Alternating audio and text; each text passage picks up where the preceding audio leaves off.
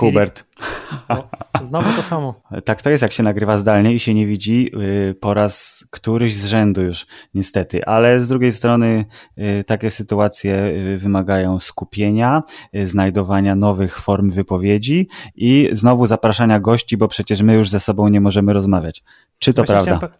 Właśnie chciałem powiedzieć, jak pięknie do- dotarłeś w swojej krótkiej przemowie do sedna dzisiejszego odcinka, ale myślałem, że pójdziesz w inną stronę, że pójdziesz w stronę, że to wymaga cierpliwości, kontemplacji.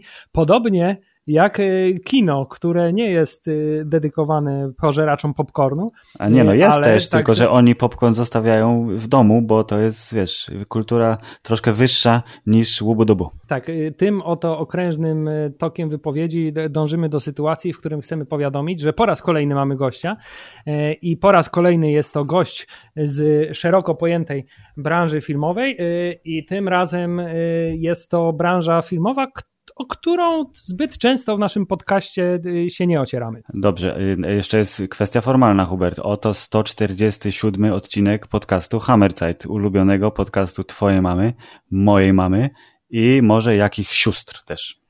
Tak, i z, z okazji 147 y, odcinka podcastu naszym gościem jest dyrektor artystyczny festiwalu Nowe Horyzonty. Aż zawsze mam ochotę powiedzieć era Nowe Horyzonty, tak jestem, tak jestem już wyszkolony. Y, Marcin Pieńkowski. Dzień dobry, witam serdecznie. Dzień dobry, mimo tego, że jest już późno, ale podcast jest y, wieczny i można go słuchać o 9 rano równie dobrze. Witamy Cię, Marcinie. Y, Jak myślisz, czy powinniśmy rozmawiać o tym, że nowe horyzonty jednak mają się świetnie, czy o tym, że inne festiwale może niekoniecznie, a może w ogóle o tym, czy kino artystyczne jest tak fajne, żeby o nim robić festiwal? Dużo pytań w jednym. Znaczy, ja myślę, że Nowe Horyzonty miały, mają się świetnie i będą miały się świetnie. Natomiast myślę, że cała branża teraz no, jest rzeczywiście w trudnym, dość trudnym momencie i myślę, że będziemy y, się dość długo wydobywać y, z kryzysu, o którym pewnie dzisiaj porozmawiamy. Mm, Natomiast y, jakie było trzecie pytanie? Czy kino artystyczne jest? Było pytanie, czy kino artystyczne jest na tyle fajne, żeby cały festiwal mu poświęcać. No ja myślę, że większość festiwali filmowych na całym świecie jest y, oparta o kino artystyczne. O to też chodzi. Myślę, że festiwale filmowe mają przede wszystkim misję, eduk- edukują publiczność. No bo nie wiem, no nie wyobrażam sobie trochę festiwali filmowych poświęconych kinu komercyjnemu, bo to festiwal mamy cały czas w multiplexach takiego kina. Okej, to oczywiście to pytanie było takie trochę na okrętkę, bo wi- wiadomo, że jeżeli mówimy o sztuce, y, nazwijmy ją wyższą, bo to tak dobrze brzmi, o sztuce wyższej, to wypada ją celebrować w sposób inny niż albo z nogami na kanapie wywalonymi, albo właśnie z kubłem popcornu y, gdzieś w otoczeniu innych y, tych ciamkaczy i siorbaczy. Nie, Ale zanim y, przejdziemy do samych nowych horyzontów, to ja chciałem zacząć właśnie a propos kryzysu troszeczkę. Mieliśmy tą rozmowę z różnych względów nagrać trochę szybciej.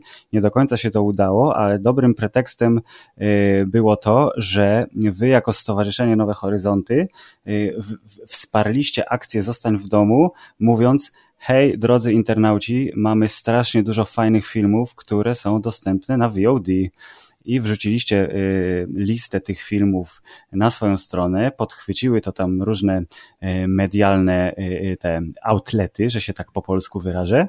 No i my z Hubertem się zanurzyliśmy w tej liście, żeby spróbować coś z niej wyciągnąć. Hubert, co wyciągnęliśmy z tej listy? Jak zwykle podzieliliśmy się prawie pół na pół. Ja z tej listy wyciągnąłem dwa bardzo. Wydawało mi się y, dość y, mocne pozycje i dość dziwne pozycje, mianowicie film Holy Motors, którego krótki Wow. opis y, na waszej stronie szalenie mnie zaintrygował, a po obejrzeniu tego filmu czułem się jeszcze bardziej zaintrygowany, chociaż niekoniecznie dużo bardziej poinformowany na temat tego, o czym jest ten film. A drugi film to z kolei Touch Me Not, który też robi wrażenie, ale z zupełnie, z zupełnie innych powodów. A ty, Filip?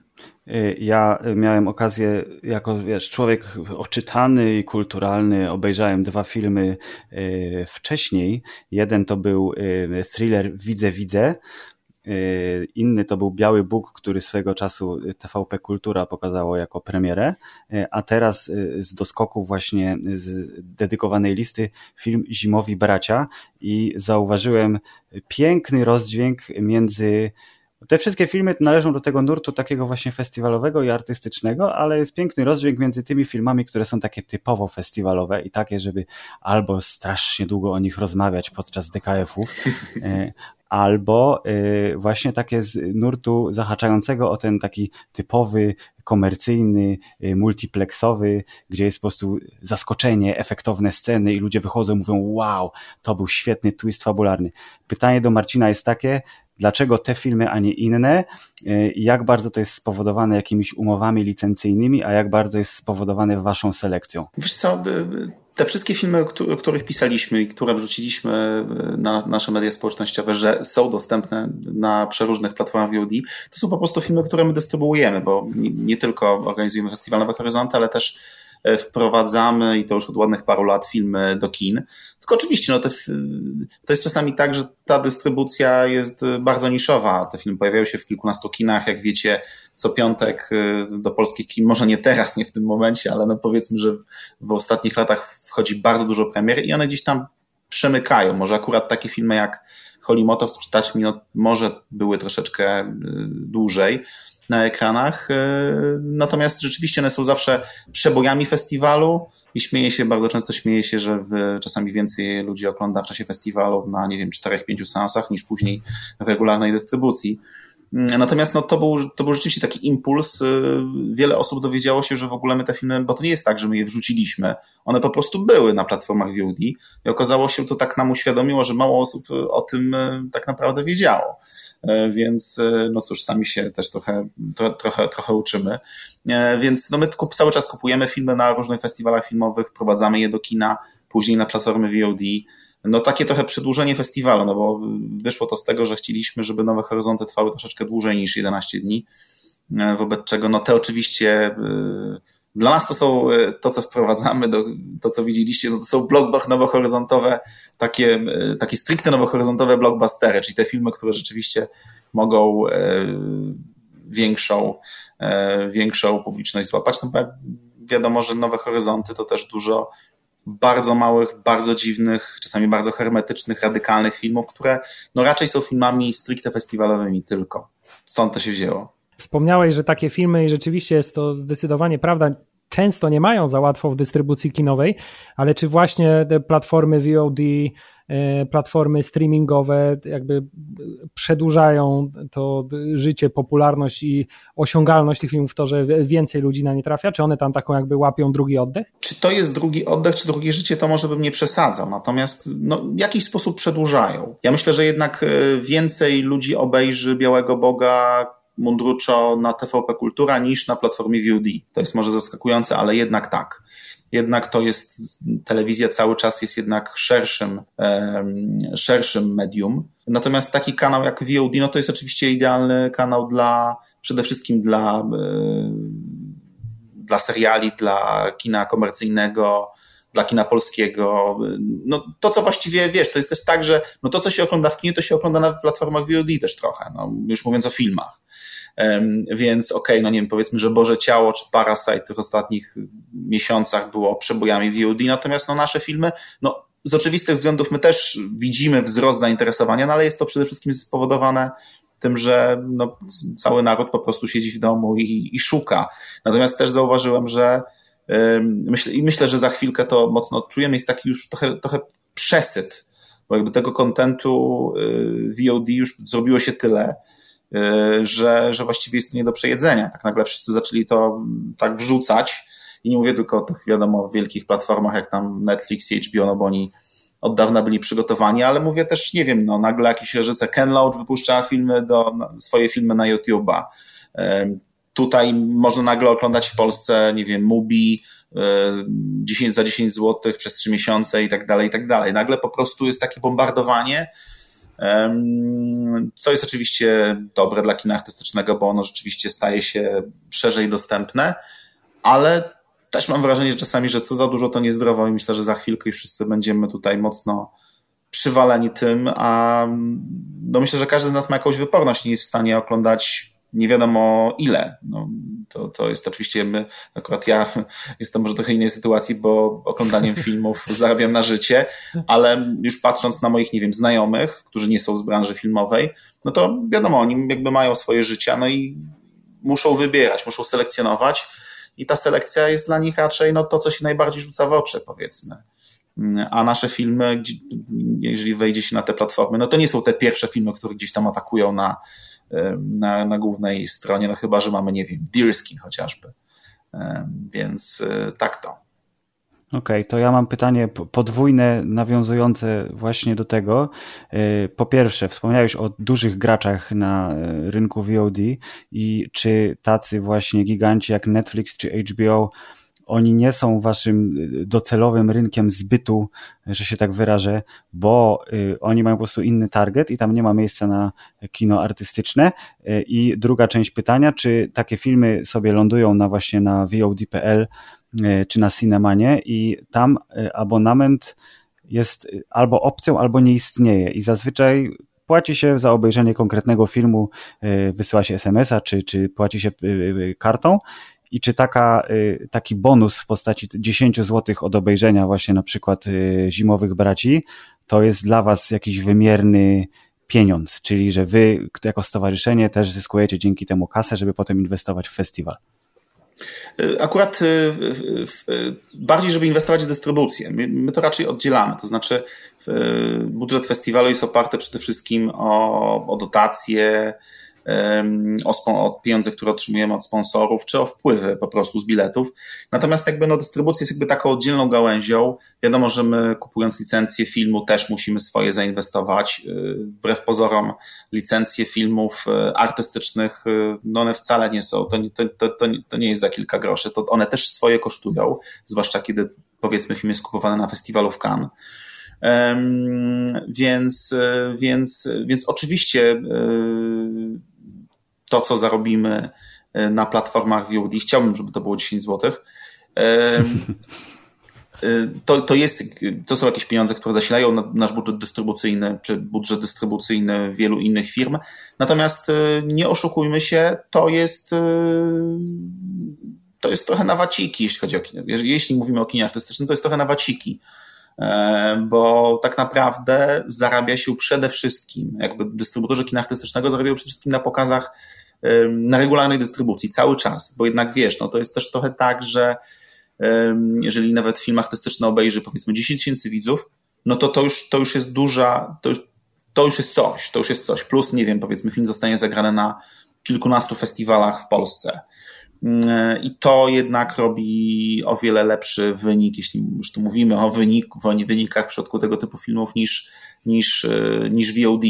E, VOD mocno działa, myślę, że e, przede wszystkim jeśli chodzi o te duże tytuły, ale ono nigdy nie, myślę, że VOD, bo myślę, że takie pytanie też ostatnio pada, czy VOD jest w stanie zastąpić biznesowo dystrybucję kinową?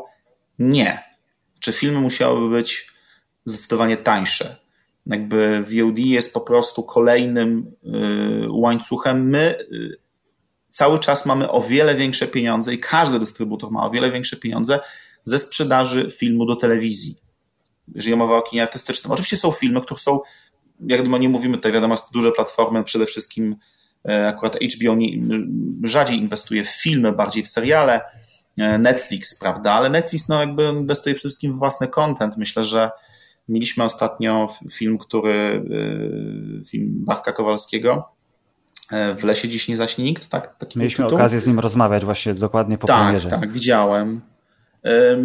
No to myślę, że e, z tego co wiem, to ten, ten film miał też, miał, miał jakby już ten deal Netflixowy dograny i, jakby on prędzej czy później miał trafić na Netflixa, no ale myślę, że gdyby trafił do kin, no to jednak producentom więcej by się zwróciło. Akurat ten film jest taki no dość specyficzny, ale myślę, że to co spotkało hejtera, E, no to rzeczywiście jest dosyć przykra sprawa, bo, bo, bo trudno się spodziewać, żeby ten film na platformach VOD nawet za wyższą cenę, bo ten, ten chyba na samym początku tam ta cena była dosyć, dosyć wysoka za bilet, żeby, się, żeby te pieniądze się zwróciły. Jednak cały czas dystrybucja regularna, kinowa to jest, tam są pieniądze, można powiedzieć, takie rzeczywiście większe. Później to są telewizje, zwłaszcza czy to, czy to otwarte, czy to, czy to pay TV, czy to kablówki i tak dalej, a później dopiero VOD. No, chyba, że po prostu ma się content od razu jakby przeznaczony, jakby zupełnie inną sprawą to są seriale. Także no, oczywiście to być może się będzie zmieniało, a ostatnio też dużo słyszę, na przykład, nie wiem, no, przeczytałem e, za dwa dni temu artykuł w Gazecie Wyborczej, też dużo się pisze o, o tym, że no, o, o kasusie Trolli 2, tak, to już animacja, no i że ten film zrobił tyle, tyle właśnie, pieniędzy. Właśnie o tym chciałem wspomnieć. Tak. No ale jakie to są pieniądze? No przecież to film kosztował 90 baniek, yy, zrobił 100, czy tam 110. No to, to, to, to jaki to jest w ogóle, yy, to jaki to jest w ogóle tak naprawdę zysk? No to, to, to jest na zasadzie, że okej, okay,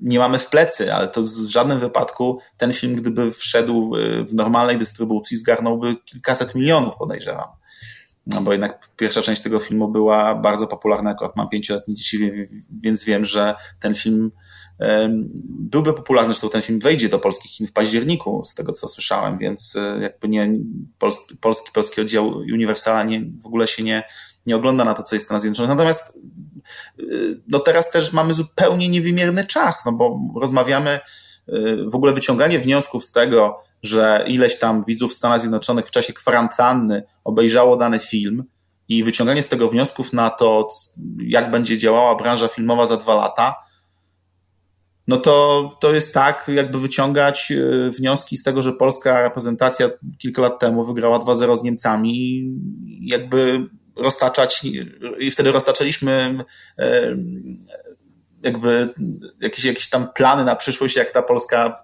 piłka po prostu dojdzie do finału Mistrzostw Świata. No. Jakby jest to jakby coś, coś na tej zasadzie. Nie jesteśmy w stanie tego przewidzieć. Czasami coś się uda, a natomiast okoliczności są, myślę, na tyle unikalne i wyjątkowe, że naprawdę yy, wydaje mi się, że to są tylko i wyłącznie takie medialne, medialne, fajne, chwytliwe tematy, o których, o których się mówi. Natomiast yy, na pewno jakieś zmiany będą i ten kryzys ekonomiczny jest niezaprzeczalny, on będzie i dostanie się wszystkim. Natomiast myślę, że te łańcuchy dystrybucyjne, no one może troszkę się zatrząsną w posadach, natomiast tutaj no nie będzie jakiejś wielkiej rewolucji jednak według mnie. Czy w takim razie y, y, Stowarzyszenie y, Nowe Horyzonty jakby y, y, nie planuje większego, większej inwestycji w kanały VOD, bo tak jestem sobie w stanie wyobrazić sytuację, gdzie właśnie zamiast kierować filmy na, na, na VOD.pl czy na, na Cineman, e, trochę tak jak mówi, mógłby, mogłaby powstać taka platforma, czy to Nowe Horyzonty, czy Gutek Film, gdzie y, właśnie te wasze propozycje by, by znalazły swoje miejsce. Myśleliście o czymś takim? Oczywiście, to my, my o tym myśleliśmy już od dłuższego czasu, tylko rzeczywiście no, nastał tak niespodziewanie taki czas, i gdzie, gdzie ta motywacja stała się rzeczywiście większa. Natomiast y, to jest też trochę tak, że żeby stać się znaczącą platformą, która będzie docierać do szerokiej grupy ludzi, nie wystarczy tylko i wyłącznie nasz content, nawet jakbyśmy wzięli content Gutek Film. Ten, jakby cały, tak, zobaczcie na Mubi. Mubi daje codziennie impuls. Tak jest właściwie z każdą platformą. Cały czas jest nowy content. Jeśli nie ma tego kontentu, albo ten kontent jest ograniczony, albo ten kontent jest na kilkunastu innych platformach, no to siłą rzeczy, no wiadomo, że y, można zainwestować w, żeby było coś doczepionego na stronie Nowych Horyzontów i rzeczywiście, żeby tam można było oglądać nasze filmy i wspierać. I jakby to robimy. Natomiast no, trudno mi sobie wyobrazić y, w tym momencie bez jakichś... Y, trudno mi sobie wyobrazić jakby wielką platformę kina artystycznego w Polsce. E, bo jest to bardzo trudno, bo jest to bardzo trudne przede wszystkim z, no, i jakby z dość dużej no, zagmatwania rynku, bo, bo jednak e, to jest trochę tak, że jednak wielu dystrybutorów ma swoje festiwale, ze sobą też e, konkuruje. Też no, platformy różne walczą też o, o to, żeby mieć najświeższy ten content, jakby te, które wymieniłeś, no też walczą między sobą. Natomiast trudno inwestować w ten, jakby no, jeżeli my będziemy mieli content, nie wiem, nasz, Gutek Film, Against Gravity, Aurora, czy tych najlepszych dystrybutorów kina artystycznego w Polsce, no to to nie będzie wystarczające. To będzie to samo, co jest na kilku, bo wiecie, no my wprowadzamy 8 filmów rocznie, Gutek Film 10, 12, no może więcej, przepraszam, 12, 13, e, Against Gravity z 12, Aurora może więcej, bo tam z 18 i to wszystko razem to też jest za mało. Po prostu za mało, żeby jakby się przebić. Natomiast inwestowanie w, w filmy, których, które jakby jeszcze, jakby, nie wiem, same prawa VOD, my to liczyliśmy i to jest bardzo trudne. Bez inwestorów, bez, bez dobrego biznesplanu, no to, no to jest trudne. No, może to się zmieni. Może teraz Polski Sztuki Filmowej, może może ministerstwo, y, nagle wszyscy się obudzili troszeczkę z tym onlinem i, i, i może będą jakieś, jakieś um, granty na to, żeby takie platformy kina artystycznego zrobić, bo ewidentnie czegoś takiego brakuje y, w Polsce. Natomiast no to, jak sami się domyślacie, no też kosztuje trochę pieniędzy, żeby zrobić coś takiego profesjonalnego. Ja nie mówię o takim, mówię, no playerze, który byłby doczepiony do strony i żeby oglądać parę filmów, tylko no, żeby platforma coś ze sobą niosła. Mubi jest to oczywiście świetnym przykładem, bo to jest platforma no, taka rzeczywiście kuratorowana, precyzyjna. Nam by się to marzyło Chociaż nasze miejsce jednak mimo wszystko jednak jest w tradycyjnym kinie. To, co mówisz, wszystko to rodzi właśnie taką bardzo fajną wizję, że ci, którzy mają pomysł na, jako pierwsi na coś, mówisz, że brakuje platformy kina artystycznego, y, była, był pomysł, który zresztą został zrealizowany, prawda? Borys Szyc i jego teatry, które też y, były w wersji VOD jakiejś takiej. Można było oglądać y, sztuki jak na Netflixie to jest coś pierwszego i o tym się mówiło. Gdybyście wy byli pierwsi i może w jakimś cudownym świecie ponad podziałami porozumielibyście się z innymi e, festiwalami i dali im miejsce u siebie, żeby każdy miał swój kącik, to takie coś by zażarło i z jakimś magicznym wsparciem e, rządowym rzeczywiście byłby fantastyczny sukces i byście mogli mieć wersję offline festiwalu tradycyjną latem czy kiedykolwiek zechcecie, a potem przez cały rok bloki tematyczne i inne cuda by hulały w internecie. No, nie, mówi, nie mówię nie, zobaczymy. Jestem sam, jestem ciekaw, gdzie nas to wszystko, gdzie nas to wszystko zaprowadzi. Wiem, że też coś robi SKSIL, czyli sieć kin studyjnych i lokalnych. Robi takie przedłużenie, troszeczkę taką opcję dla kin w całej Polsce, żeby też mm, miały możliwość, no w takich sytuacjach jak teraz chociażby, zarabiania na filmach artystycznych takich, no, tak jakby puszczanie tego kontentu, czy jakby takie, żeby każde kino fizyczne miało też taką swoją opcję w internecie. I to będzie, to będzie już bardzo niedługo. Zobaczymy, jak to będzie wyglądało. Natomiast myślę, że to, co jakby, ale te, wiesz, te filmy są, jakby te wszystkie filmy, które są dystrybuowane w, w polskich kinach, one trafiają na platformę VOD. To nie jest jakby problem. Problemem jest to, że bardzo wiele filmów do polskich kin nie trafia. One są pokazane tylko na festiwalach no. i to, co byłoby fajne, to że pokazać te filmy, bo to, wiesz, te filmy, które mają Gutek, film, to i tak przecież wszędzie je można zobaczyć. No, co, no, Parasite, czy tam wchodzisz na każde właściwie na VOD, na Cinemana, jak sam powiedziałeś, i oglądasz. Więc, więc e, i nasze filmy też, no, nasz taki nasz Deerskin to jest chyba na 12 platformach. Vectra, UPC, tam po prostu już sam dostaję, nawet czasami nie wiem, nie, nie wiem, że takie istnieją.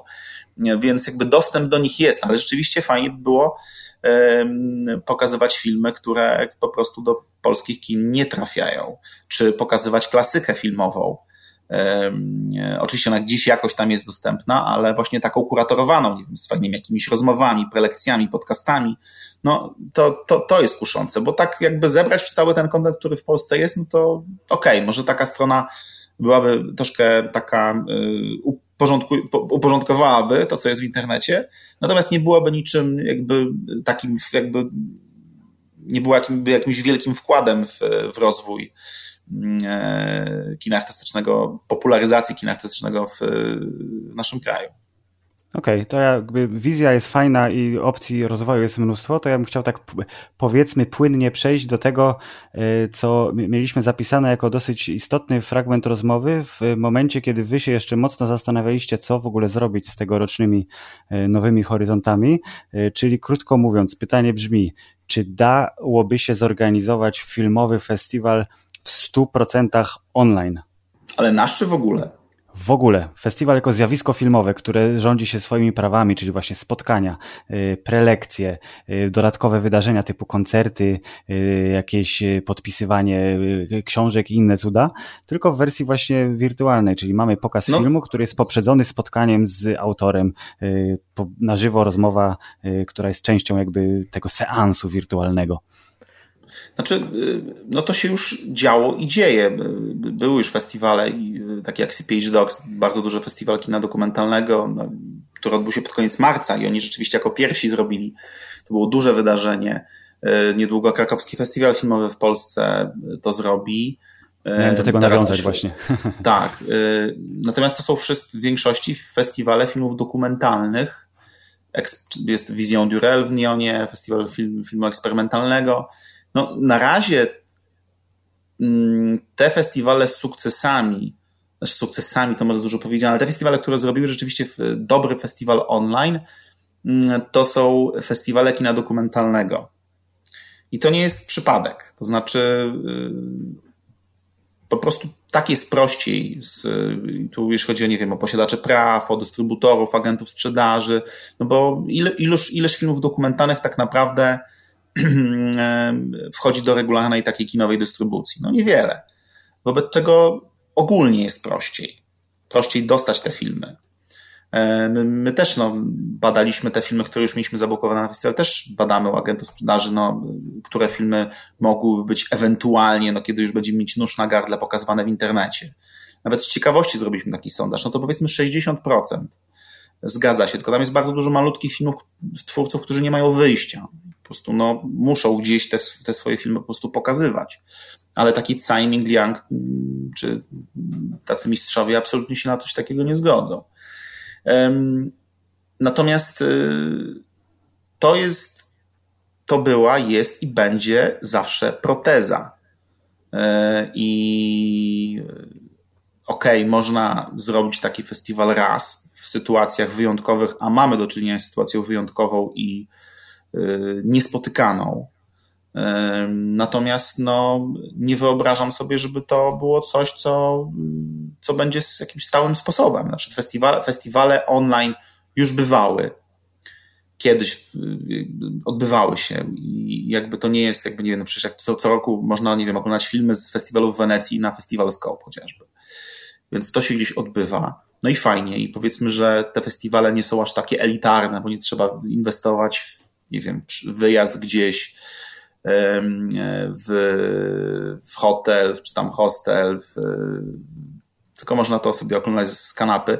Tylko no, jakby ideą festiwalu, jakby są dwie idee festiwali filmowych. Pierwsza stricte branżowa, że festiwale to też jest coś, co pobudza nie tylko widzów, ale branżę również. Tak? By to jest takie koło zamachowe branży filmowej. I, bez, I te koła zamachowe, one oczywiście teraz siłą rzeczy też się w internecie odbywają, ale jest, jest to super trudne. E, a dwa to jest spotkanie widzów. Spotkanie widzów z twórcami, bezpośrednie spotkanie widzów z twórcami, ale również z ludźmi, którzy tworzą festiwal. I spotkanie widzów z widzami. E, I nic nie zastąpi jednak y, realnego kontaktu, jakby tego bycia w kinie. Ja już nie chcę tutaj prawić jakby tutaj truizmów o magii kina i tam jak się ściemnia, no to to jest magia się zaczyna, bla, bla, bla, bla, cinema paradiso. To też, no pewnie, że tak. Natomiast y, dzisiaj, dzisiaj miałem już być na festiwalu w Cannes jutro się miał zacząć i, i powiem szczerze, że no, to jest takie no, rzeczywiście dojmujące uczucie, bo, bo tam ja tą magię czułem. Jakby, I magię z kilku, jakby to nie tylko dlatego, że właśnie sala kinowa, pałac i tak dalej, ale no właśnie ten taki dreszczyk emocji przed tym nowym, które nas czeka, tak, bo festiwal to też pokazywanie tego nowego, i my tam, no okej, okay, rok temu idziemy na Parasite, coś tam się słyszało, ale tak naprawdę nikt się nie spodziewał hiszpańskiej inkwizycji, a właściwie koreańskiej inkwizycji. E, i odkrywa się też malutkie jakieś tam filmy i to jest fantastyczne i tak samo na Nowych Horyzontach są jakby kwestia odkryć, ale też warunków. To znaczy, no my zwłaszcza, Festiwal Nowe Horyzonty, który jest oparty e, na kinie bardzo często radykalnym, kontemplacyjnym, on wymaga bardzo odpowiednich warunków. E, wymaga skupienia, koncentracji, którego, które w domu trudno znaleźć. Ja, ja wiem, znam z doświadczenia, bo teraz przez ostatnie dwa miesiące jest mi, nie wiem, mam dwójkę dzieci i pracuję zdalnie i jest mi wieczorem bardzo trudno obejrzeć na przykład jakiś film z festiwalowej selekcji.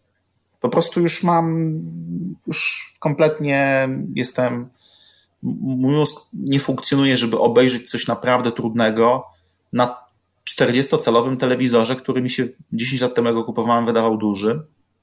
Ostatnio mój odpowiedział, że mam jakiś po prostu mały, bardzo telewizor, więc zacząłem zastanawiać. E, no ale tak, no to nie są warunki do oglądania tego typu kina, które my pokazujemy, które my promujemy. E, można tu, mogę sobie na, na tym e, telewizorze obejrzeć jakiś film dokumentalny. Z całym szacunkiem dla twórców kina dokumentalnego są czasami pięk, przepięknie zrealizowane, ale bardzo często um, telewizor wystarcza. Natomiast y, są filmy, które są przeznaczone do sali kinowej. Jakby twórca tworząc, on je, tworząc jakby dzieło, on jakby je tworzy właśnie z przeznaczeniem do sali kinowej.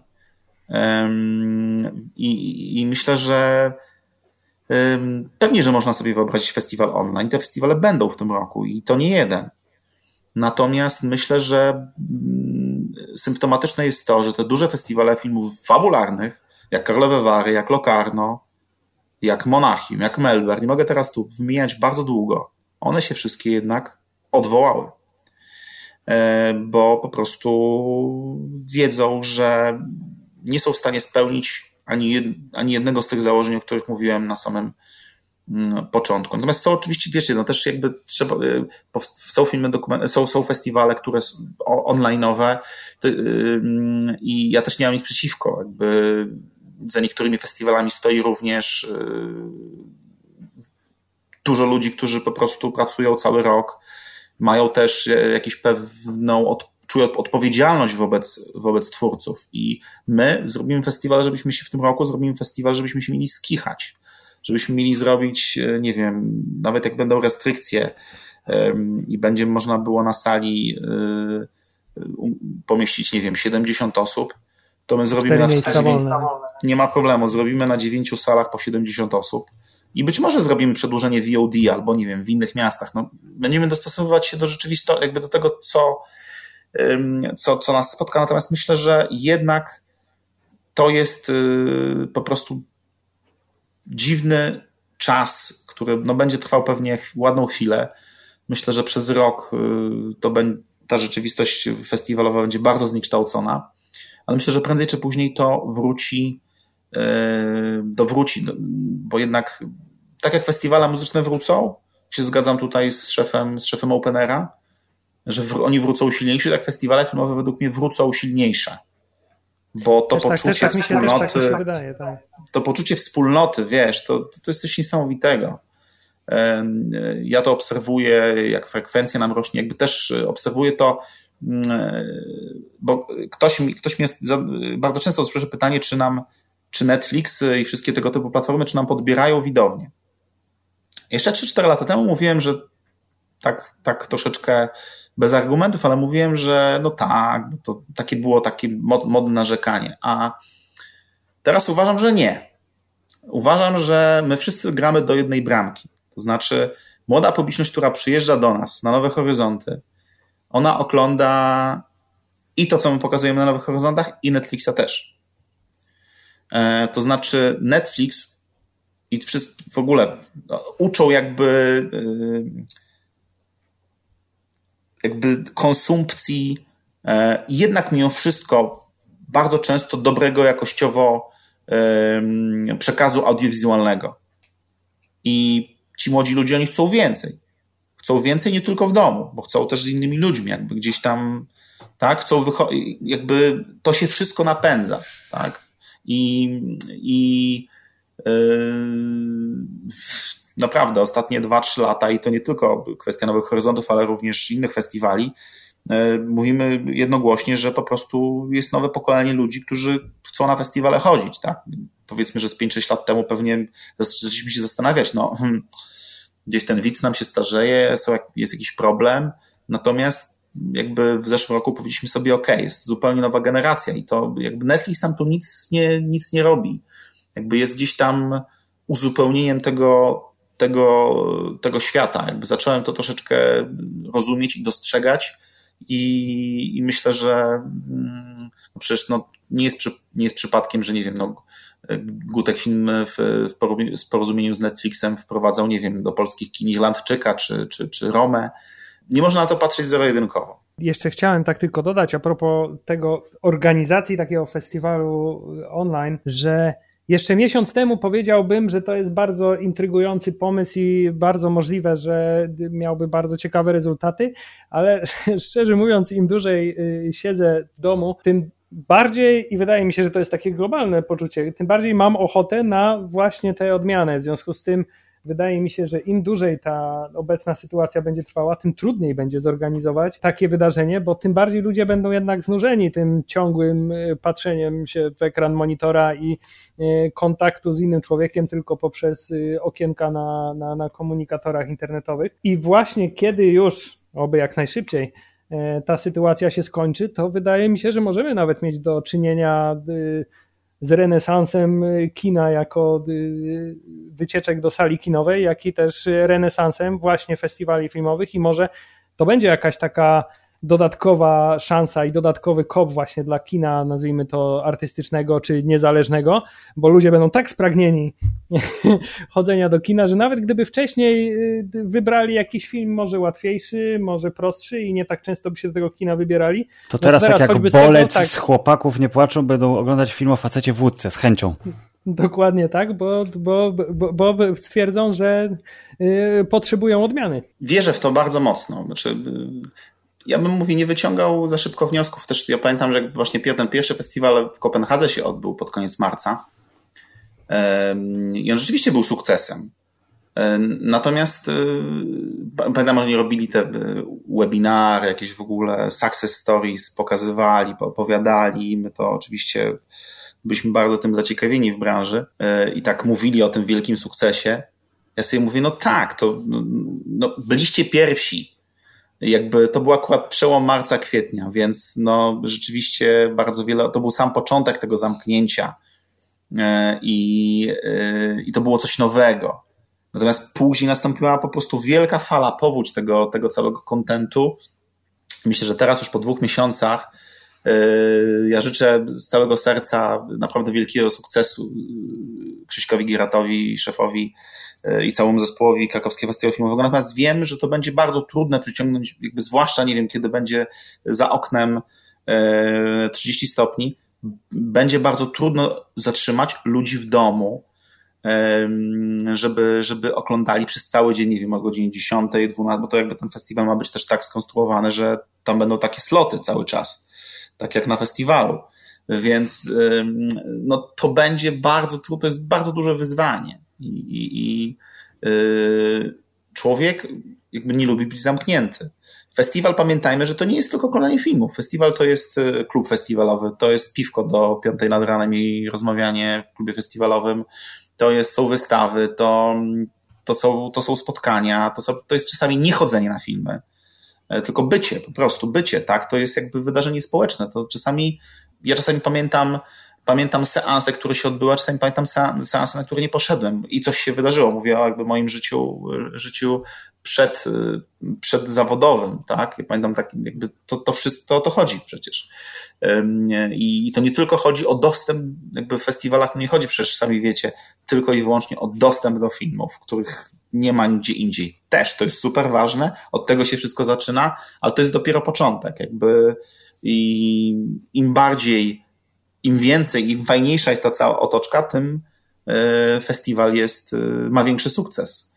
E, bo tu zupełnie nie ma co patrzeć na te wielkie festiwale jak Cannes, jak Wenecja, Toronto, takich festiwali wielkich, molochów, które napędzają całą branżę na całym świecie, jest, jest kilka i one są bardzo takie jednak hermetyczne i zamknięte dla branży. Jakby no, zwykły widz tam raczej nie wejdzie albo albo będzie musiał czekać 7 godzin w kolejce, żeby, żeby, żeby, żeby wejść na film. Ja czekałem 3 godziny w zeszłym roku, żeby wejść na The Lighthouse. Więc, Więc te wszystkie festiwale, no to one są jednak oparte na, to jest jednak pewien rodzaj wydarzenia społecznego i trudno, no, trudno to zastąpić doświadczeniem wirtualnym. No teraz każdy wychodzi z siebie, żeby zrobić coś nowego, ale ta formuła jest powtarza, za bardzo powtarzalna, e, bo nawet jak skończymy fenomenalny film e, na swoim laptopie czy na swoim telewizorze, to obrócimy się w lewo i widzimy to samo okno, które widzieliśmy wczoraj, przedwczoraj, 7 dni temu, 15 dni temu. I my nie będziemy, a bardzo ważne są okoliczności, tak jak wy pamiętacie. Pamiętacie na pewno swoje ważne filmy, które w życiu obejrzeliście, pamiętacie w jakich okolicznościach je obejrzeliście. I to też o to chodzi, żeby te okoliczności były no w jakiś sposób jednak właśnie takie barwne, a nie takie... 100% zgody. My jako y, y, poznaniacy troszeczkę tęsknimy za festiwalową otoczką, od kiedy nam odpłynął transatlantyk do innych miast, teraz już w liczbie mnogiej. Y, tak. Więc na, nasze festiwalowe podróże teraz muszą być dosłownie podróżami, czyli nie, że wsiadamy w tramwaj, ale jednak w samochód albo w pociąg. Więc Chyba, że macie dwa, dwa, macie dwa fantastyczne festiwale w, w, w, Poznaniu, które bardzo lubię i miałem przyjemność, to się, to się, to, to się śmiesznie składa, że y, tak jak bywam, bywam jurorem na festiwalach za granicą dość, dość często, to się zdarza. Tak w Polsce byłem jurorem w swoim życiu dwukrotnie i dwukrotnie w Poznaniu na dwóch wspaniałych festiwalach. Jeden się nazywa Off Cinema, festiwal kina dokumentalnego i festiwal, który ja ubóstwiam, te, który jeżdżę, staram się dość regularnie od kilkunastu lat. Jest absolutnie fantastyczny festiwal Ale Kino, e, festiwal Młodego Widza. Świetna, świetna, świetna impreza. I no mamy jeszcze festiwal Animator, mamy jeszcze Oczywiście. Shortwaves. filmów Shortwaves, krótkometrażowych. Na, na Animatora nigdy nie dałem rady pojechać, no bo to zawsze tuż przed y, horyzontami, więc y, no nie było mi nigdy po drodze. Ale rzeczywiście, no tak, tak, tak.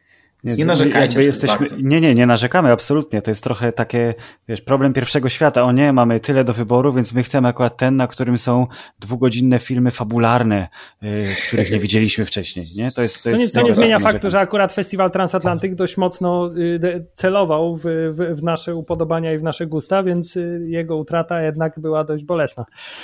Okej, okay, dobra, ale to teraz jakby y, idę trochę krok w bok a propos Y, samego zjawiska festiwali. Y, wspomniałeś o Cannes. Y, teraz wiemy już, że Cannes się nie odbywa. Sam zresztą powiedziałeś ze łzami w oczach na pewno, że nie jesteś właśnie we Francji. Tak, to sobie wyobrażamy. Tak, ale pojawiła się informacja, że w tym roku Cannes oferuje swój znak jakości i jest selekcja oficjalna filmów, będzie podana i y, to będą filmy festiwalowe, będą mogły sobie wrzucić tą palemkę y, na plakat. Y, I czy to jest fajny sposób na nobilitację i utrzymanie jakiejś takiej corocznej tradycji festiwalowej? I czy wy, jako Nowe Horyzonty, moglibyście też takie coś zrobić? No bo to po prostu jest dobra reklama dla marki festiwalu i przy okazji pomoc dla filmów, które wjechały na minę pod tytułem Nie ma festiwalu. Nie no, coś takiego to tylko, w, to tylko Kan mogło wymyślić naprawdę. No, my coś takiego, czegoś takiego absolutnie byśmy nie zrobili. No, przede wszystkim my się odbędziemy. Czy to w jakiej formie byśmy nie zrobili, na pewno się odbędziemy. Natomiast no Kan absolutnie no, nie mogło zrobić festiwalu w internecie. Natomiast rzeczywiście Kan jest ważne z punktu widzenia mniej widza, a bardziej całej branży. To znaczy y, Myślę, że szefowi Kan, szefom Kan chodzi wszystkim o to, żeby ta machina się nie zatrzymywała i żeby były filmy, które w jakiś sposób namaszczone. I one, im też będzie troszeczkę łatwiej e, zdobyć dystrybutorów. E, no festiwale to, no wiadomo, to jest problematyczna sprawa, ale wszystkim chodzi, jeżeli chodzi o dystrybucję. Sam jestem ciekaw, jaka to będzie lista, bo, bo, bo to, to też jest taka enigma. Thierry Fremont w tym wywiadzie dla Screena, który czytałem wczoraj, bardzo tak się pewnie wypowiada, że to będzie praktycznie w 100% to, co sobie wybrali. No jakoś, jakoś mi się nie chce wierzyć, powiem. Bo niektórzy jakoś, twórcy wiem, mogą no. zaprotestować na przykład, tak? Że nie ma festiwalu, to nie No my nawet wiemy jakiejś... o tym, że, że no. są twórcy, którzy zaprotestowali. No mi się wydaje, że to jest taka trochę PR-owa gra. Um, I jestem ciekawy bardzo. Tam będzie polski film tak mi się wydaje, będzie polski film tam. Ale nie możesz zdradzić jaki? Nie mogę, nie mogę, nie mogę. Natomiast, natomiast rzeczywiście, no, jest to dziwny zabieg. na pewno. Jest to trochę PR-owe i takie trochę zasi zasiusianie, film, mówiąc brzydko, pewnych filmów przed festiwalami, które tam będą później. Ale z drugiej strony, no nie wiem, no łudzenie się, że nie wiem, taka, taki festiwal w Wenecji się odbędzie normalnie, to też jest takie raczej, y, biorąc pod uwagę, że rozmawiamy o kraju, w który, który obok Wielkiej Brytanii, Hiszpanii, no, w którym było najcię, naj, najciężej no to, to też wydaje mi się, że, że, że Wenecja się podda. Trochę to rozumiem. Myślę, że to jest pomocne, bo my też się zastanawiamy, no okej, okay, ale co? Taka półroczna wyrwa, nie ma festiwali, nie ma nowych filmów. Y, pamiętajmy też, że 20 y, czerwca zaczyna się wirtualny market kanański, ten March du Film. Y, tam, gdzie my normalnie też właśnie kupujemy, kupowaliśmy, on się zawsze odbywał oczywiście w trakcie festiwalu w Cannes, gdzie kupowaliśmy prawa również do dystrybucji filmów. Holly Motors zostało niegdyś kupione właśnie na takim March du Film. Było też oczywiście był film w konkursie głównym festiwalu w Cannes e, czy właśnie to większość filmów, które, nie wiem, Biał Biały Dzień, czy Tomaso, czy, e, czy, czy Dirskin, te filmy, czy była Wysoka Dziewczyna Bałagowa, które my wprowadziliśmy do kina, to wszystko było kupione właśnie na tym markecie. Jestem ciekaw, że właśnie może będzie tak, że na początku czerwca zostanie ta oficjalna lista, tam będzie pewnie, będą takie filmy jak Tenet Christophera Nolana, jak film Wesa Andersona, e, jak e, pewnie Out of Competition, nowy film Spike'a Lee, czyli te filmy, które i tak yy, przez te pół roku by trafiły do kin. Tam zdaje się, że będą też filmy, które jakby zostały, yy, filmy, które zostały wybrane, tak jak nie wiem, pewnie nowy film Karaksa, twórcy Holy Motors, to nie wiem, czy wiecie, to jest musical z Marion Cotillard i Adamem Driverem, już, już, już wiem, że muszę ten film obejrzeć, bo powiedziałeś tak. Adamem Driverem i w, w tym momencie... Śpiewającym tam tylko i wyłącznie, bo w 95% film śpiewany, e, ale też nowy film e, Paula Verhoevena chociażby. To wiemy, że te filmy, z tego co ja słyszałem, na przykład film Paula Verhoevena, że on będzie... E, jest premiera jego światowa przewidziana na maj 2021, więc pewnie będzie tak, że ten film zostanie, będzie na tej liście, ale pojawi się w konkursie następ, za, za rok, jak będzie pokazane pewnie w Cannes 2021 normalnie, w normalnych warunkach. Więc, ale to będzie szansa dla tych mniejszych filmów, um, które, które po prostu świetnych, nie wiem, europejskich, azjatyckich filmów, no, które no, no, no, musiałyby czekać nie wiadomo na kiedy. A dzięki temu właśnie tego 20 czerwca agenci sprzedaży będą mogli te filmy z tym powiedzmy znaczkiem jakości sprzedawać na cały świat dystrybutorom. Nie wiem, jest gotowy film na niego Morettiego, świetnego włoskiego reżysera. On miał wejść do, już, już do włoskich kin w kwietniu.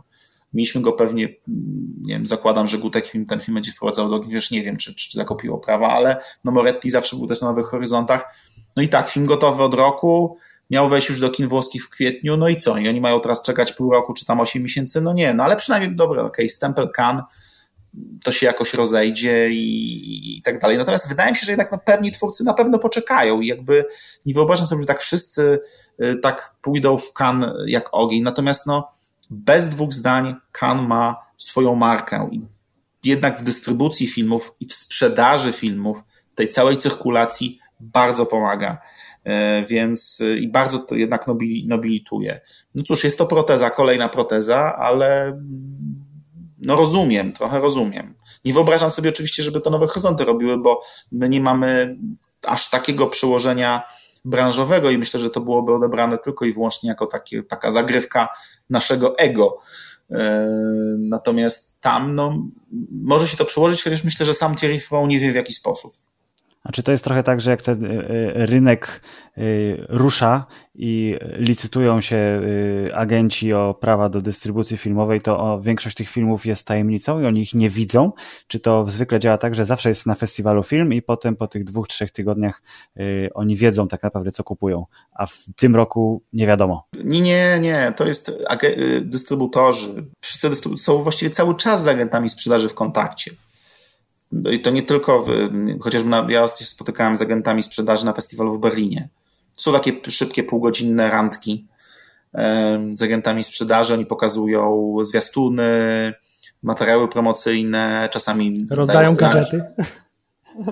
Tak, tak, ale to to, to nie przekonuje. No, wiadomo, gadżety są bardziej taką, żeby pamiętać o firmie, może jak nowa firma wchodzi, natomiast y, bardziej robią imprezy. E, natomiast no, nikt, nikt, żadnego dystrybutora przy zdrowych zmysłach ani gadżet, ani impreza tak naprawdę nie przekona. Bardziej jest to taki jakiś dodatek. Rzeczywiście bardzo często zdarza się tak, na przykład ja, jeszcze mi się nie zdarzyło kupić filmu, no jesteśmy małym dystrybutorem, Nowe Horyzonty są malutkim dystrybutorem, nie zdarzyło mi się fi kupić filmu przed jego obejrzeniem w całości. Zazwyczaj jak oglądam te filmy na dużym ekranie na festiwalu i bardzo często wychodząc z sali składam ofertę na dany film i zaczyna się, e, zaczyna się e, rozgrywka. Natomiast rzeczywiście e, wiadomo, no te duże filmy, ja już nie mówię o filmach studyjnych, no bo to wiadomo, jest oczywiste, filmy A24, no to na pniu... One się same sprzedają. Tak, same się sprzedają, więc to jest jakiś stempel jakości i nie wiem, no to też jest tak bardzo często, że myślę, że, że zdaje się Sony kupując prawa do Lighthouse, no to, to, to nie widziało w ogóle The Lighthouse, podejrzewam, albo no naprawdę na jakimś bardzo tajnym pokazie. Natomiast, no nie wiem, no Kuba Duszyński, szef Gutek Film, kupił Parasite y, kilka tygodni przed zeszłorocznym festiwalem w Cannes, w Cannes po lekturze scenariusza. I, I no, wygrał. Myślę, I wygrał. I to bardzo często tak jest. Tak samo zrobił z The Square kilka lat wcześniej, więc czasami no, ten nos jest, e, jest ważny, bo, bo, bo rzeczywiście kupuje się trochę kota w worku. Czasami może to nie wyjść, tak, no bo nie wiem, jest nowy film Fahadiego na stole, e, nie wiem, czy no Almodowara, no i zapomnij, nawet scenariusza nie zobaczysz, po prostu gdzieś tam lecisz po jakichś tam wczesnych, wczesnych materiałach, no bo wiadomo, to są, to są powiedzmy nazwiska, które gdzieś tam, no taki Almodowar, no to są jakieś arthouse'owe blockbustery, które robią, nie wiem, 100 tysięcy widzów. No to 100 tysięcy widzów dla dystrybutora kina artystycznego to jest bardzo, bardzo, bardzo dużo, więc czasami rzeczywiście albo po scenariuszu, albo nawet na bardzo, bardzo wczesnym etapie, po, po, czasami nawet po nazwisku reżysera właściwie, ok, kupuje jego następny film. Oczywiście to jest, to jest duże ryzyko, I, ale to pokazuje, że nawet y, ta, ten, jakby, ta część, ten segment y, y, branży tego właśnie kina artystycznego te, też jest w jakiś sposób biznes. I, i, trzeba ryzykować, ale no, my, to, my to uwielbiamy. To jest, to jest element, element gry i no, te rozmowy w Cannes po prostu, jak się spotykamy, oglądamy, wychodzimy, dzwonimy do siebie, Whatsappy, spotykamy się na wieczorem na pizzy i winie, dobra, kupić, to ten le ktoś leci po prostu, tego dzwoni, yy, podbija ofertę. To jest coś absolutnie fascynującego. Oczywiście to jest gdzieś tam yy, tak, jak, tak jakbyśmy grali trochę, nie wiem, no, w tysiąca, a tam, no nie, ale to bardziej chodzi mi o to, że tak jakbyśmy grali trochę w tysiąca, no bo tam gdzieś obok, w tym samym mieście na Lazarowym Brzeżu są o wiele grubsze, o wiele grubsze biznesy robione i oni tam już sobie jednak pogrywają w brydża. Tak, tak, tak to porównuję, no bo, no bo my sobie tam oczywiście, no gdzieś tam dla nas to jest super emocjonujące, kiedy chodzi o filmy artystyczne, ale no wiadomo, że tam też są sprzedawane wielkie tytuły, ogromne, jakby, jakby, jakby za jakieś ogromne, ogromne pieniądze. No ale z drugiej strony ktoś się spodziewał, że taki Parasite, e, no okej, okay, to, że wygra Złotą Palmę, to może tam się spodziewaliśmy po obejrzeniu tego filmu w zeszłym roku, ale no, że zdobędzie Oscara, no to myślę, że to tak jak... To była bardzo miła niespodzianka prawdopodobnie. Tak, tak, to tak jak Leicester wygrało y, Mistrzostwo Anglii kilka lat temu. Myślę, że to, y, to się zdarzyło i już długo się nie powtórzy. To ja powiedzieć, chciał... że to w ogóle bardzo dobrze brzmiało, brzmi jako y, twoja historia na temat kupowania i ekscytacji na temat filmów w Cannes. Bardzo brzmi mi jak, chciałoby się powiedzieć, temat na film po prostu. The Big Short. Tak, tylko w świecie filmu. W świecie filmu. Dobra, a ja bym chciał wrócić do tego Tenetu, o którym wspomniałeś. Y, Christopher Nolan y, się rysuje jako taki zbawca kina trochę w y, świecie pandemii i mówi, że jego film uratuje blockbustery i ta lipcowa premiera podobno jest niezagrożona. Większość kin gdzieś tam już się pomału otwiera za granicą. U nas póki co nie bardzo wiadomo, jak to będzie i czy w Twojej głowie taka właśnie IMAXowa premiera z pompą która ma tam być jakoś w połowie lipca, czy ona w Polsce dojdzie do skutku, a jeśli dojdzie do skutku, to czy ludzie rzeczywiście pójdą? Myślę, że ludzie pójdą. No, skoro ludzie poszli do galerii handlowych, no to czemu mają nie iść do kina? Przy okazji. Znaczy, jakby, no, no, no czym to się różni? Przecież teraz no, w ten weekend po prostu tłumy wszędzie, absolutnie tłumy wszędzie. No oczywiście na świeżym powietrzu. E, natomiast no myślę, że no to gdzieś będzie z nas schodziło, jakby, jakby tak jak jest to wszystko odmrażane, no tak, tak schodzą z nas pewne jakieś bariery. I myślę, że, że, że ludzie pójdą. Może oczywiście trudno spodziewać się wyników e, jakichś kosmicznych, no bo, no bo jasne, że zawsze będzie grupa, która będzie jakaś asekuracyjna. Natomiast absolutnie zgadzam się tutaj z Nolanem i, i daj Boże, żeby taki polski Nolan się objawił, chyba że będzie to Patryk Wega. E, a może, może, może i dobrze. Czy, ja myślę, że może, może to jest też coś, może dyrektor artystyczny Festiwalu Nowych Horyzontów nie powinien mówić, że y, fajnie, gdyby Patryk Wega wypuścił swój nowy film w, w czerwcu czy w lipcu, ale z drugiej strony to, to branża, jest, branża filmowa jest jednym wielkim organizmem. I to nie jest tak, że jest sobie świat multiplexów i świat kin studyjnych i one sobie gdzieś tam są dwa. Nie, nie. To, to trochę nie, nie działa tak, no bo przecież jeżeli y, do kin chodzą ludzie, nawet na film Patryka Wegi, to chociażby takie kina odprowadzają podatek do PISF-u, a festiwale filmowe PISF-em się żywią. Więc to mało kto o tym myśli w ogóle, ale to jest jakiś, w jakiś sposób troszeczkę taki zamknięty, mm, zamknięty organizm. I absolutnie, bo tak jak kina studyjne, one będą miały content, będą miały dużo tego kontentu, Mm, bo przecież ile filmów Magutek, filmy, też mamy filmy za, zamrożone, Against Gravity, Aurora, M2, no wszyscy mają po prostu tam już, już przebierają nogami, żeby te filmy wypuścić. O tyle, i to bez względu na to, czy będzie kan, czy nie, bo te filmy kanańskie jednak dopiero jesienią wchodziły yy, zazwyczaj, to co mają zrobić multiplexy, które mają kilkanaście sal, które płacą gigantyczne czynsze w, w, w centrach, przede wszystkim w centrach handlowych, no one muszą mieć content. One się nie otworzą, jeśli tego kontentu nie będzie. Więc musi być taki Christopher Nolan, musi być taki, nie wiem, czy Patryk Wega, czy ktoś inny, ale muszą być filmy, te duże tytuły, które e, po prostu to jakoś uruchomią, napędzą.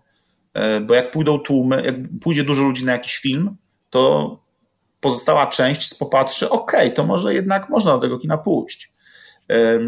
I, I dobrze ten Nolan jest, bo jak widzicie, jak się przekładały premiery różnych filmów, dużych filmów amerykańskich, przecież Ghostbusters, y, Szybcy i Wściekli. Y, tak, cały Marvel tym roku. Całe Marvel, Czarna Wdowa, no to, to, to, to, to wie, one się nie, nie przełożyły tam o dwa miesiące. One się czasami o rok przełożyły. Więc, y, więc James Bond, tak, o pół roku.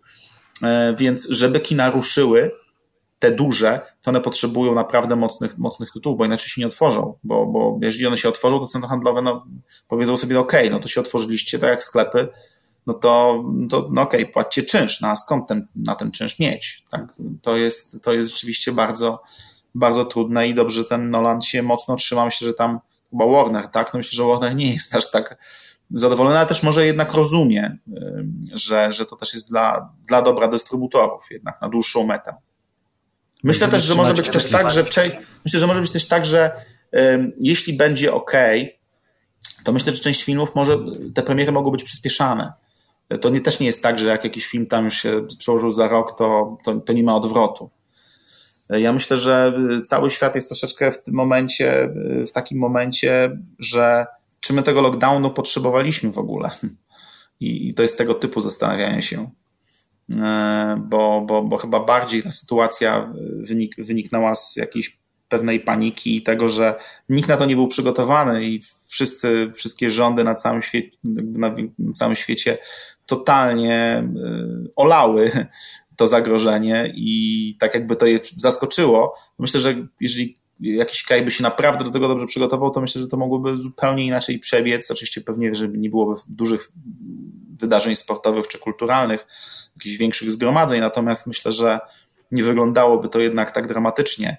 I, i wydaje mi się, że, że to się powoli w jakiś sposób będzie cywilizowało, ale powolnymi, bardzo powolnymi krokami. No my jesteśmy, tak jak zresztą Gutek uzależnieni od kina, tylko że zazwyczaj bardziej tego mainstreamowego mimo wszystko. No i teraz to jest pytanie z gatunku bardziej abstrakcyjnych, czyli już odejdźmy od tego straszliwego pogromu branży, który mamy nadzieję, że zaraz się zatrzyma i Christopher Nolan i Patrick Wega napędzą ludzi do kin. I chciałem zapytać o takie podejście do tego kina festiwalowego, artystycznego trochę z boku, czyli jak byś, bo wy startujecie póki co oficjalnie 5 listopada, wtedy Nowe Horyzonty ruszają i Y, być może będziecie mieli nowych widzów, miejmy nadzieję, y, ale to może będą widzowie tacy, którzy, ale to ja nie wiem, bo tu właśnie, ja widziałem Chłopaki nie płaczą i tam był ten film o facecie w łódce i to wyglądało na strasznie nudne, ja wolę jak wybucha. W jaki sposób byś przekonał potencjalnego nowego widza, żeby przyszedł, przyjechał, yy, obejrzał i zachwycił się tym kinem, które niekoniecznie może jest dla niego pierwszym wyborem? No że go nie przekonam. To myślę, że jak ktoś To jest trudne pytanie bardzo. E, ja myślę, że widz Nowych Horyzontów jest jednak bardzo świadomy tego, na co się pisze. Albo chce spróbować tak, takiego kina i albo mu ono podchodzi, albo nie. Jakby tam nie ma przypadkowych, na festiwalu Nowe Horyzonty nie ma przypadkowych widzów. Może my będziemy robić Nowe Horyzonty z American Film Festival. Tam zresztą pokazujemy bardzo, e, jakby troszeczkę to jest inny festiwal, no bo nie wiem, w zeszłym roku były takie filmy jak Na Noże, jak, e, jak The Lighthouse, jak, znaczy The Lighthouse bardziej nowohoryzontowe kino, ale, ale właśnie na noże, czy tam, nie wiem, Beautiful, Beautiful Day in the Neighborhood z Tomem Hanksem, czy no dużo było takich filmów, powiedzmy, czy Ford kontra Ferrari, czyli tego powiedzmy hollywoodzkiego bardziej mainstreamu, chociaż oczywiście z ambicjami więc te dwa festiwale będą trochę połączone, ale na Nowych Horyzontach absolutnie nie ma przypadkowego widza. No może czasami się zdarzyć, ktoś może pójść na festiwal i natomiast mm, też nie będę mówił, że na festiwalu Nowych Horyzontów może, każdy może znaleźć coś dla siebie, bo to nie do końca prawda. Chociaż wiesz, no z drugiej strony w zeszłym roku zamykaliśmy festiwal nowym filmem Tarantino. Więc ja też się staram, żeby e, na Nowych Horyzontach, jestem czwarty rok dyrektorem artystycznym festiwalu, żeby to nie było tylko i wyłącznie, żeby troszeczkę uciekać od etykietek. To znaczy, że wiadomo, że naszym korem, korem festiwalu, szkieletem y, są filmy właśnie, to jest to slow cinema, to są, to jest takie bardzo czasami trudne kino artystyczne, kino z ambicjami, ale ja bardzo lubię włożyć y, w festiwal takie filmy, nie wiem, jak w zeszłym roku Mid-90s Johna Hilla, y, albo dwa lata temu Searching, albo Winni, albo no właśnie takiego Tarantino, bo to też są filmy, które troszeczkę, to jest takie właśnie gatunkowe kino nowohoryzontowe, jak to nazywam, czyli takie przełamujące dla troszkę szerszej publiczności, żeby taką publiczność troszeczkę, wiecie, no, jak się pokażemy takiego Tarantino, ktoś przyjedzie, no to może go przy okazji złowimy jeszcze na taki bardziej ambitniejszy film, bo on jakby, no okej, okay, dobra, no to spróbuj, jak nie kiedy, jak nie teraz, to kiedy, prawda? E, natomiast no, trudno mówić do osób, które na co dzień oglądają, e, nie wiem, no, e, kino ultrakomercyjne. Trudno ich przekonać do tego, żeby, no okej, okay, to nagle oglądajcie szatańskie tango, no to jest niemożliwe. Mm, natomiast myślę, że bardzo duża część, jakby zdziwilibyście się, jak bardzo duża część naszej publiczności nowohoryzontowej to jest publiczność, która ogląda i to, i to. W sensie jakby i takie, i takie kino. Ja też się, ja się wychowałem na powrocie do przyszłości, na e, Brudnym Harem, na Terminatorze i, i jakby nie oglądałem jako pięciolatek Feliniego. Jako dziesięciolatek zacząłem oglądać. No tak. Natomiast jakby też jakby chodzi mi, chodzi, chodzi mi o to, że, że, że, że to nie jest tak, że jest taki jeden rodzaj e, widza, który ogląda tylko i wyłącznie hardcore. E, jakby to, to się miesza. Tam są widzowie, którzy oglądają Netflix i oglądają sobie takie filmy, jakby po prostu lubią dobre kino. Wiadomo, że nie wiem, moja siostra przyjechała na festiwal, e, właściwie obie e, w, zeszłym roku, no to wiadomo, że zrobiłem listę filmów, no bo to też jakby mm, ludzie wchodzą jakimiś takimi pewnymi etapami w, w taki festiwal jak Nowe Horyzonty. Nie od razu na, można ich rzucić na głęboką wodę ale to jest ciekawe, że z roku na rok, wiesz, to jest tak, im więcej oglądasz takiego kina, tym bardziej to wsiąkasz. No, jakby tak z książkami, najwięcej czytasz książek, tym, tym wiadomo, że możesz łyknąć takich ambitniejszych, to możesz jeszcze, jeszcze tak, no wchodzisz w to po prostu. Ja bardzo lubię, jak na, y, na naszym festiwalu widzowie mówią, że jakiś film ich wkurzył, albo wyprowadził z równowagi, albo ktoś trzaśnie drzwiami. O Jezu, jak się wtedy cieszę. Bo, bo to też jest takie ucieczka od takiego kina, takiego bardzo bezpiecznego. Takiego kina, takie wiecie, no tak, ktoś mnie pyta cały czas, dlaczego tak Marcin ma oglądać serii, bo ja nie lubię, nie lubię troszeczkę kina z próbówki. To znaczy, wiesz, scenariusze napisane wobec algory według algorytmu jakiegoś pewnego oglądam tego mało. Po prostu ja lubię jakby jedno skończone dzieło, po tym jakby mnie denerwuje, jak ja muszę oglądać po prostu coś kilka dni. Mam bliźniaki pięcioletnie, więc no, y, o, o maratonie z serialem dziesięcioodcinkowym to mogę zapomnieć. Więc, więc nie przekonam, jakby nie, przeko nie przekonam, nie przekonam. Staramy się gdzieś tam zarzucać wędkę. Natomiast y, to są bardzo, bardzo świadomi widzowie, którzy no, chcą gdzieś troszeczkę popłynąć. To jest bardzo, bardzo, często, bardzo często są widzowie, którzy oglądają takie filmy raz do roku. Robię sobie taki detoks, przyjeżdżam na Nowe Horyzonty, dam się trochę pokatować yy, i później chodzą sobie do kina na, wiesz, no, na, na, na jakieś tam yy, lżejsze, lżejsze rzeczy. No, i, i, i wychodzą z 1917 sama Mendesa i mówią wow, to, to, to jest coś niesamowitego. Yy, a już człowiek widział milion 500, 100, 900 takich samych filmów w swoim życiu. No właśnie, a powiedz mi, czy ta, czy ta publiczność się teraz y, zmienia przez te lata? Czy ta granica między powiedzmy to kinem y, popularnym, komercyjnym, a festiwalowym, która wydaje mi się zawsze była taka dość wyraźnie zarysowana, czy, czy, czy myślisz, że to w ostatnich czasach się, się zmienia i ta granica gdzieś się zaciera i ludzie są coraz bardziej otwarci na tego typu kino? Hmm. Myślę, że dostrzegam teraz rzeczywiście nową publiczność, tak jak mówiłem, właśnie taką młodą, która chce, jakby chce, chce próbować. Natomiast no dziś te, te, te dwa światy, to, to jednak te dwa światy były jednak zawsze w jakiś sposób rozerwane i był jakiś taki no, zbiór, zbiór wspólny. Tak? Tam jest Tarantino, tam jest Woody Allen, e, tam bywa czasami, nie wiem, Jim Jarmusch, tam jest Wes Anderson, no wiecie, nie? Jakby mm -hmm. jest taki zbiór wspólny, który gdzieś tam no, flirtuje z kinem artystycznym, e, a, a tak naprawdę należy do kina komercyjnego i odwrotnie, no jakby Parasite jest tego idealnym przykładem, tak, no to jest, to jest e, perfekcyjny przykład filmu artystycznego, który jest urodzonym przebojem kinowym. Więc, więc no, mnie interesują te bieguny, no bo są te bieguny kina, kina ultrakomercyjnego i kina ultra nowohoryzontowego, ultra artystycznego. I tam już jest bardzo, to już jest, tutaj jest widz taki, no bardzo, jakby jest bardzo szeroka, tutaj już jest bardzo, no to już jest po prostu publiczność bardzo, bardzo specyficzna, bardzo wyrobiona i my no jednak cały rok właściwie pracujemy nad tym, żeby, żeby namawiać naszych widzów, y, żeby, żeby, no, żeby próbowali, no. no raz się śmieć, no. Tak jak widz Nowych Horyzontów, tak jak saper, no raz się myli, tak. Więc yy, yy, mamy różne pomysły, no nie wiem, no, 14-godzinne filmy albo 7-godzinne maratony i to też jest niesamowite, że ludzie chcą to oglądać. My też staramy się wychodzić z festiwalem spoza Wrocław i, i zresztą nasza publiczność jest bardzo ogólnopolska, bo tylko 30% widzów to, to, to są wrocławianie, reszta jest z całej, jakby z całej Polski przyjeżdżają i to jest fajne. To jest bardzo różnorodna publiczność, jest jednak z dużych miast. Tak więc, y, natomiast są światy, dwa światy, które są, kurczę, no, które też ciężko, ciężko, ciężko połączyć. Zawsze, zawsze było gdzieś tam widz, widzowie byli gdzieś po dwóch stronach i, i tak tutaj, no właśnie w środku gdzieś, gdzieś się,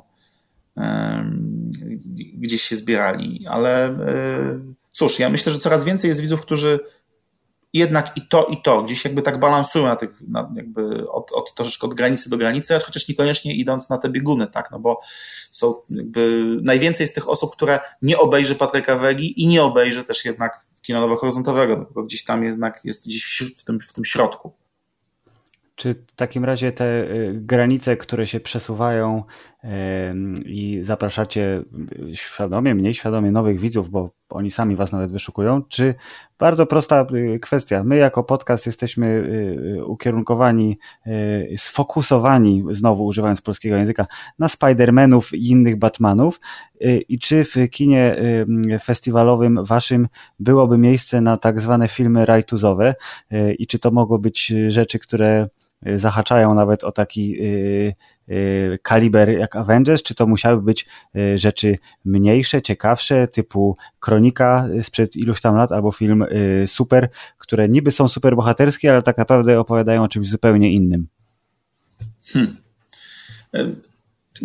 Problem jest taki, że z takimi wielkimi, wiecie, no, nawet Festiwal w Cannes czasami pokazuje film, nie wiem, no, ma premiery filmów właśnie takich dużych blockbusterów. Natomiast to też, żeby pokazać taki film na festiwalu, trzeba się bardzo wstrzelić w odpowiedni moment. To znaczy, tak jak my się wstrzeliśmy w zeszłym z Tarantino, bo akurat po prostu festiwal był pod koniec, jest to roku pod koniec lipca, a premiera filmu Tarantino jest, jest w sierpniu. My pokazywaliśmy film Tarantino jako trzeci kraj w Europie. E, jakby to było jeszcze przed w ogóle regularną dystrybucją. To był trzeci pokaz, to był trzeci pokaz w Europie po, po Londynie i Berlinie. E, co jest fajną nobilitacją. Po, oczywiście, oczywiście po festiwalu w Cannes, e, ale mówię już po takich późniejszych festiwalach. Natomiast ja nie mówię nie, to znaczy ja lubię film, jakby nowych, dla, na Nowych Horyzont na pewno jest miejsce dla filmów, które by coś jednak um, żeby to nie był kolejny film o superbohaterach, tylko żeby jednak y, troszeczkę pewne rzeczy przełamywał. Ja bym się nie bał umieszczenia filmu komercyjnego, który by pokazywał coś jakby, nie wiem, no zupełnie, zupełnie, zupełnie innej strony. A już na American Film Festival, naszym drugim, drugim, drugim festiwalu, no to już zupełnie jakby tutaj jest zupełna dowolność. Na przykład, nie wiem, no, jeżeli się uda, to my z wielką przyjemnością zaprosimy no, no, nowy film o Jamesie Bondzie na, na American Film Festival. To jest jakby, to jest jasne. Dlaczego by nie?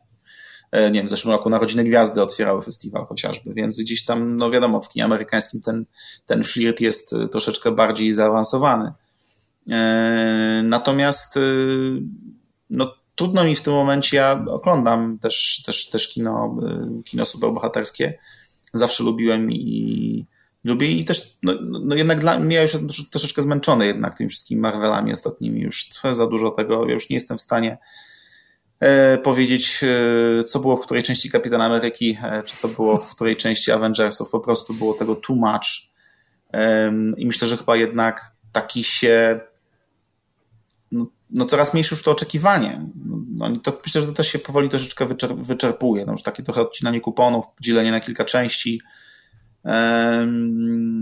i, I, lubię, jak czasami wyskoczy taki Logan. E, albo nawet Captain Marvel, która może nie wywróci, ale daje jakiś taki minimalny e, powiew, e, powiew, powiew, powiew świeżości, jakiś taki wpuści, wpuści jakiś oddech. No.